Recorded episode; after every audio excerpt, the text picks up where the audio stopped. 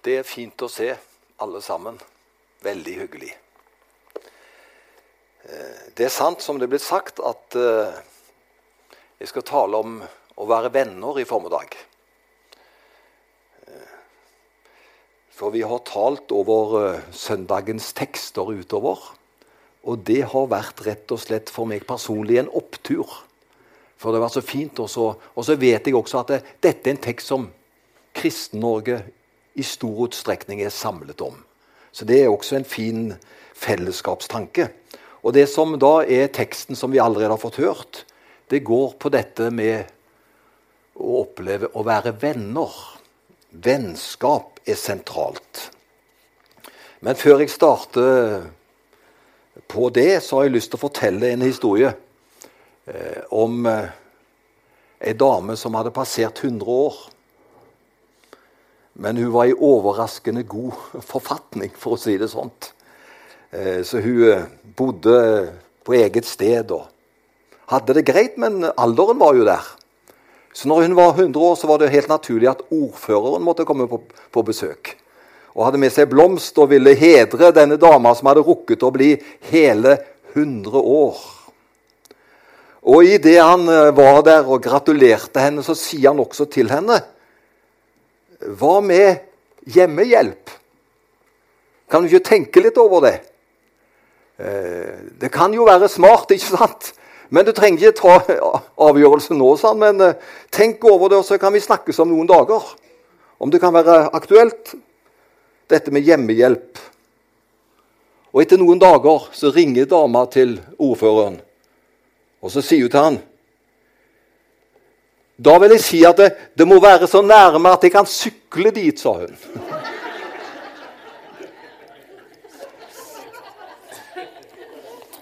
Jeg syns den er søt. Den forteller at man skal ikke undervurdere eh, alderen.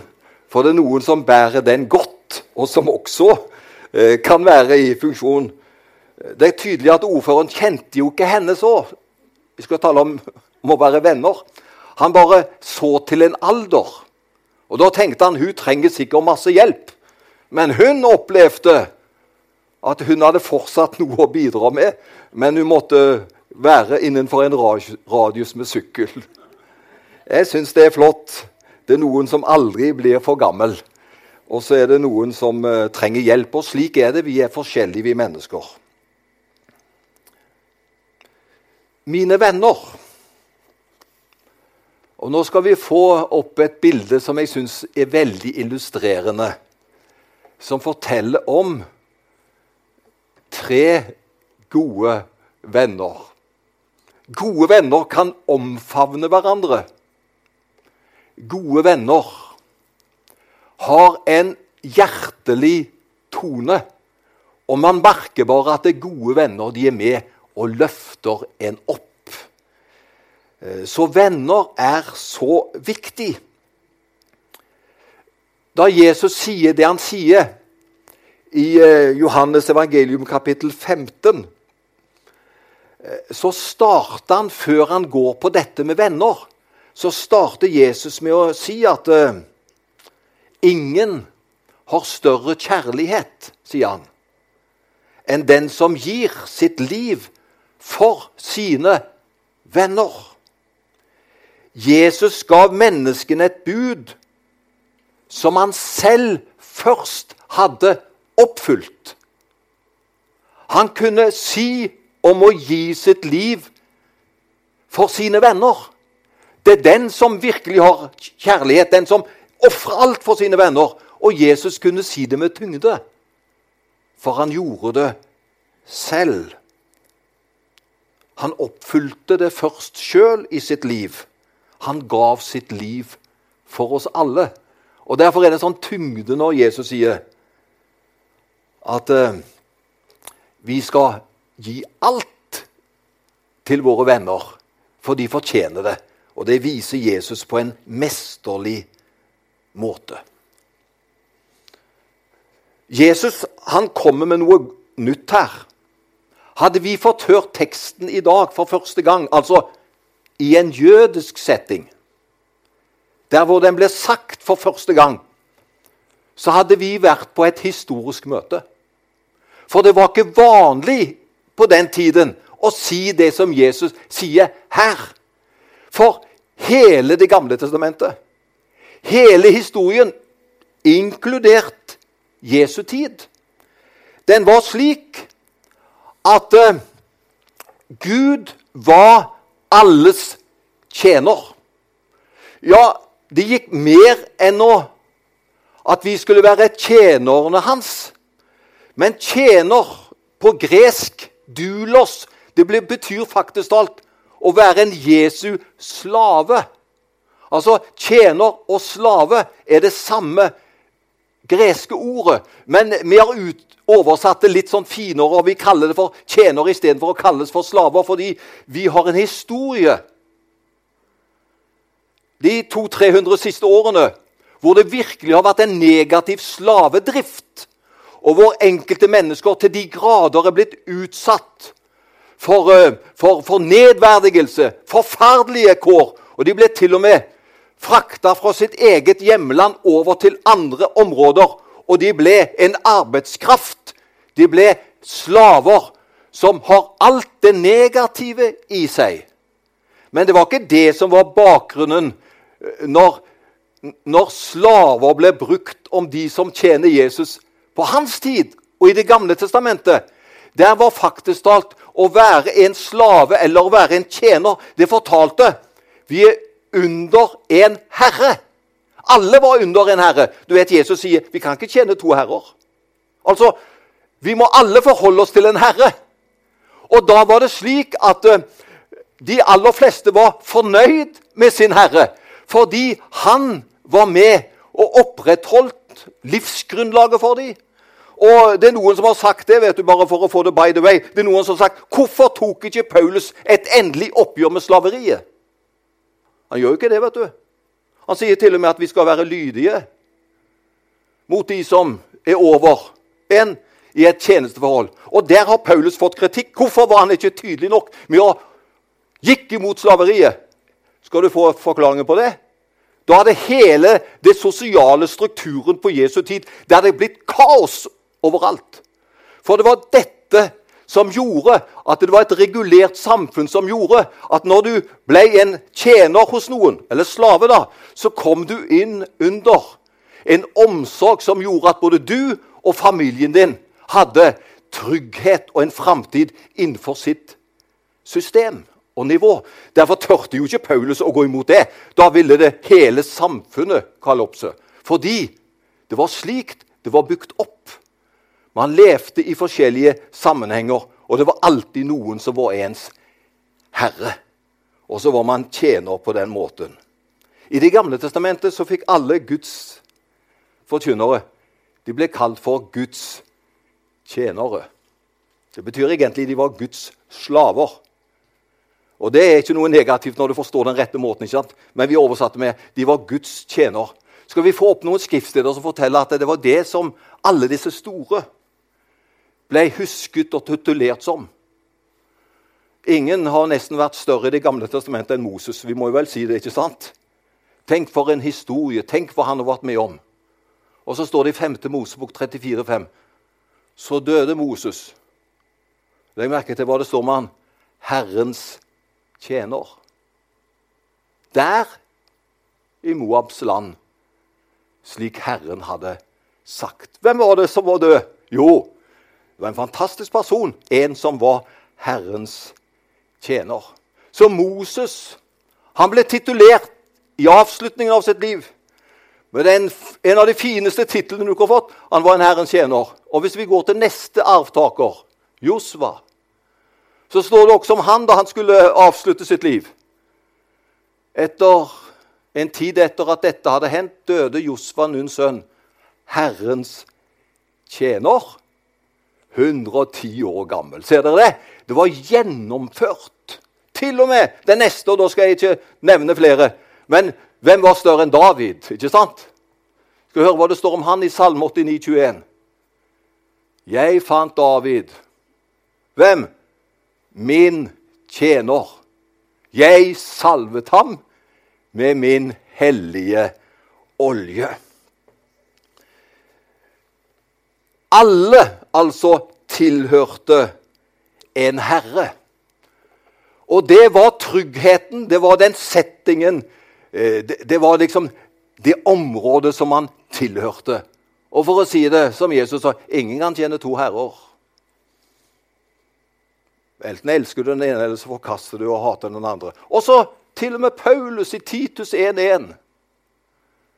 Paulus, komma. Hvordan er han, da? Jo, han er Guds tjener.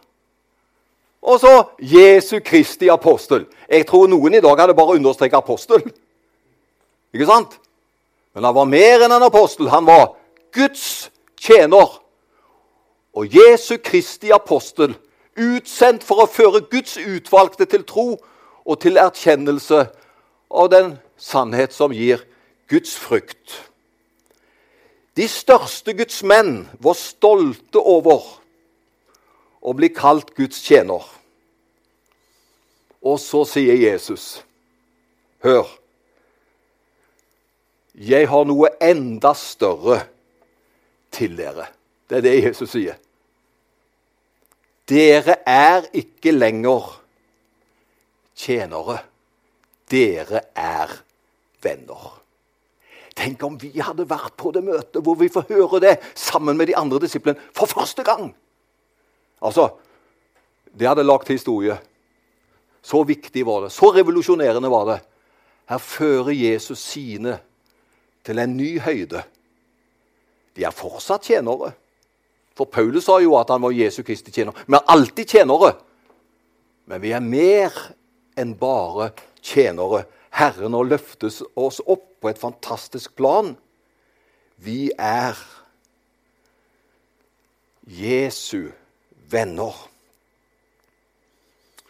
Vi har altså en enda nærmere relasjon til Gud enn den trosheltene hadde før Jesus kom til verden. Og dette som eh, for, for, Jesus han talte jo ikke inn i et vakuum, han talte inn i en setting, i en kontekst. Og når Jesus sier det at eh, dere er mine venner, for jeg har sagt alt til dere, da bruker Jesus et bilde fra sin samtid. Både hos romerske keisere og hos Østens konger så var det en utvalgt gruppe mennesker som ble kalt keiserens venner eller kongens venner. Disse var spesielt utvalgte. Og når som helst hadde disse, som ble kalt for keiserens venner eller kongens venner, når som helst hadde de adgang til kongens hus og til hans nærhet. Og eh, Historien forteller at han snakket først til sine venner. Deretter snakket han til sine generaler. Så det forteller hvilken fortrolighet, hvilken nærhet, hvor tett på kongen disse vennene var som ble kalt for kongens venner. Keiserens venner. Og så er det dette bildet, kjære venner, som ble brukt om oss, og det er Jesus som bruker det. Dere er ikke lenger tjener. Dere er blitt mine venner. Hva forteller det, da? Vi kan komme helt tett på. Vi kan komme helt, og Det står også i en kommentar som jeg leste, de kunne til og med gå på soverommet til kongen. Da snakker man om fortrolighet, ikke sant? Disse vennene de fikk del i alt. For de hadde mer enn bare et tjenesteforhold. De hadde en tett relasjon. De var kongens venner. Kjære venner i Misjonskirka her i dag på Forus. Vi trenger ikke stirre efter Gud på avstand. Håpe at han en gang kommer til meg. At han en gang så fester han blikket på meg. Nei, vi trenger ikke ha sånn, et sånt utgangspunkt. Vi får ikke et glimt. Men vi har fått rett til dette nære samfunn med Gud. Og vet du hva det er å være venner? I denne betydning det betyr å være fortrolig. Vi har jo mange venner. Jeg har nesten 5000 Facebook-venner. Og jeg har ingen nær relasjon til disse. De spør om de kan få være venn, og så sier jeg stort sett ja. Ikke sant? Og så bruker jeg mine venner til å si noe som ligger på mitt hjerte, da, som er viktig for meg, kanskje. Ikke sant? For det er ikke noe, sånn, det er ikke noe nærhet i det. Det var en måte å ha en viss kommunikasjon på. Man kan ha mange venner, men så er det noen som er fortrolige venner. Det er noe annet. Det er ikke så veldig mange. Kanskje hadde Jesus også tre fortrolige. Eh, vi trenger alle noen fortrolige venner. Det er de som nesten kan komme inn på soverommet. Du skjønner hva jeg mener? Det er de vi virkelig kan legge hjertet vårt ut til. For det trenger vi i visse høver. Det er ikke så mange av disse, men noen er det. Og Det er fantastisk å være blant de som er fortrolige. Du kan si alt fordi de blir der. Det er det som også kjennetegner fortrolige. Du kan si ting som er så personlige, men du er så trygg, for det går aldri ut av rommet. Eh, når du har vært der og går ut av rommet sjøl, du. Det blir der. Det blir mellom deg og den fortrolige.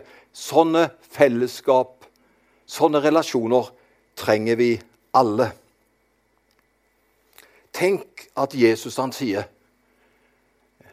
Vi er ikke bare tjenere, for det er vi også, for vi skal tjene Jesus, vi skal tjene Gud. ikke sant? Men vi er til og med blitt hans venner. Eh, nå detter det inn en, en, fortelling her rett opp i huet på meg. Kan jeg ta den? Liksom sånt, Og så går han rett ut igjen. Ja, nå kommer det en. Var det ikke dette som skjedde med den bortkomne sønnen? Han tilhørte en familie, han. Så bestemmer han seg for Han vil ha sitt.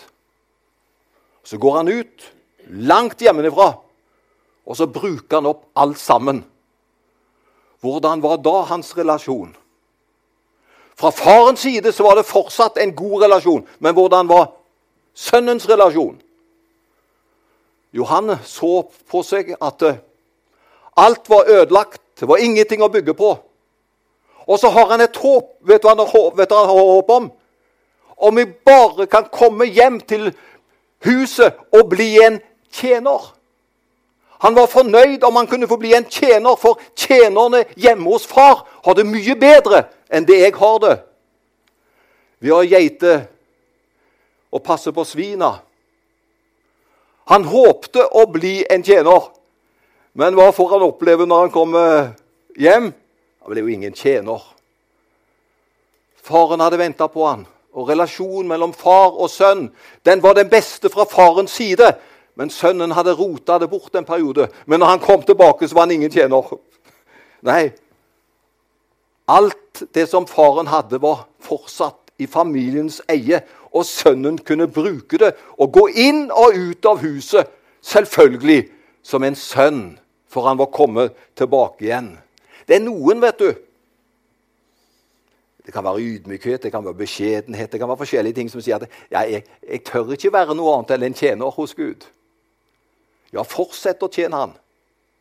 Vi trenger noen som virkelig tjener Jesus, og vi skal gjøre det med glede. Men jeg har lyst til å si deg noe ut ifra teksten i dag.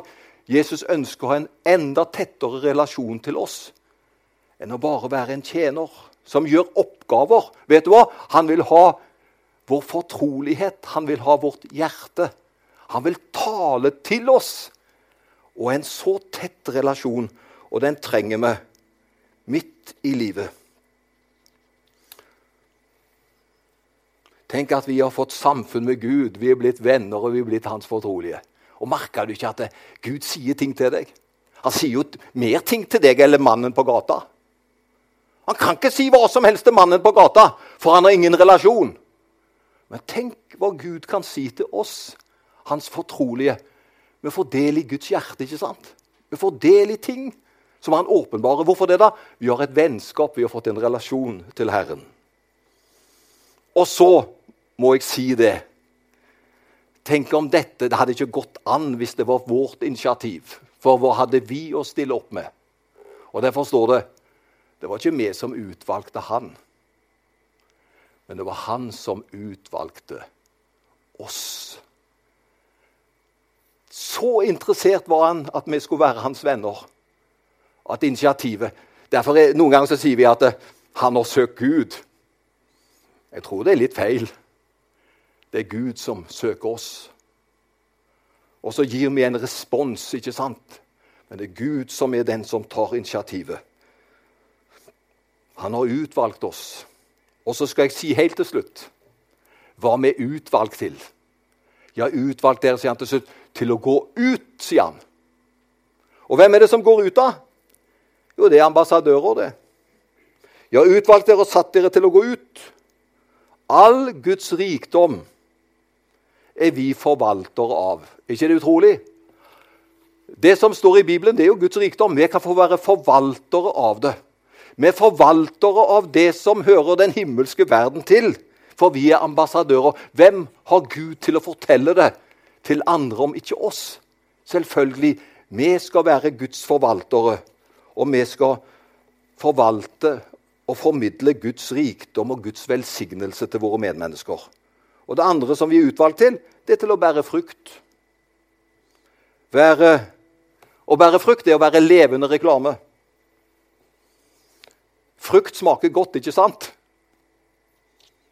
Krasse ord fra støtet. Det finnes noen i dag som, som, som, på en måte har en negativ reklame om Jesus og kristentroen. Og folk får bare bekrefta sine meninger som de allerede har.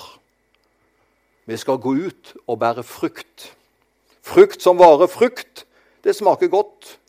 Vi skal være levende reklame på jobb, i hjemmet vårt, i nabolaget. skal vi være levende reklame på at vi er kommet inn i Guds fellesskap, Guds omsorg. Og Jeg tror det har vært altfor mye demonstrasjoner i dette landet mot ting. Tenk om vi kan være flinkere til å fortelle hva som er bra. Tenk om vi kan være flinkere til å fortelle de gode nyheter om Jesu kjærlighet og under og frigjørende virksomhet, istedenfor at vi er veldig flinke i dette landet å fortelle hva vi er imot. Men evangeliet, det er ja. Det er kjærlighet. Det er å løfte oss opp. Det forvandler menneskene. Og så står det til slutt Dere kan be om hva dere vil. Og Vi kan be om hva som helst i Jesu navn. Og når vi ber om hva som helst i Jesu navn, så ber vi ikke Gud. Gud, la din vilje bli forandra. Vi ber ikke at Guds vilje skal bli forandra, men vi får ber om, ber om la din vilje skje. Det er forskjell på å be om at Guds vilje skal bli forandra, eller la din vilje skje. Og Når vi ber, så har vi det ønsket vi har, den tilnærmingen. Gud, jeg ber om hva som helst i ditt navn. Men så vil jeg tilføye det som er helt avgjørende. Men la din vilje skje. For din vilje er det beste. Hva betyr dette for meg? Hva betyr dette for deg? Det betyr alt. Tenk å få være Jesu venn. Tenk å få være i hans fortrolighet. Tenk å få være i hans innerste sirkel, hvor vi får oppleve Han taler til oss, han styrker oss, han bygger oss opp, så vi kan få være ambassadører i det å bære frukt og det å være med i en bønnetjeneste. Må Gud velsigne oss alle. Og nå skal vi snart feire det som jeg syns er fint. Vi skal få en sang imellom, men vi skal snart feire nattverden. Der ble det fortalt hva som er grunnlaget vårt, hva vi bygger på, og hva som er vår redning. Hva som gjør at vi kan være Guds venner og Jesu venner. Det er fordi Han har gitt sitt liv for oss gjennom sin død og sin oppstandelse. Amen.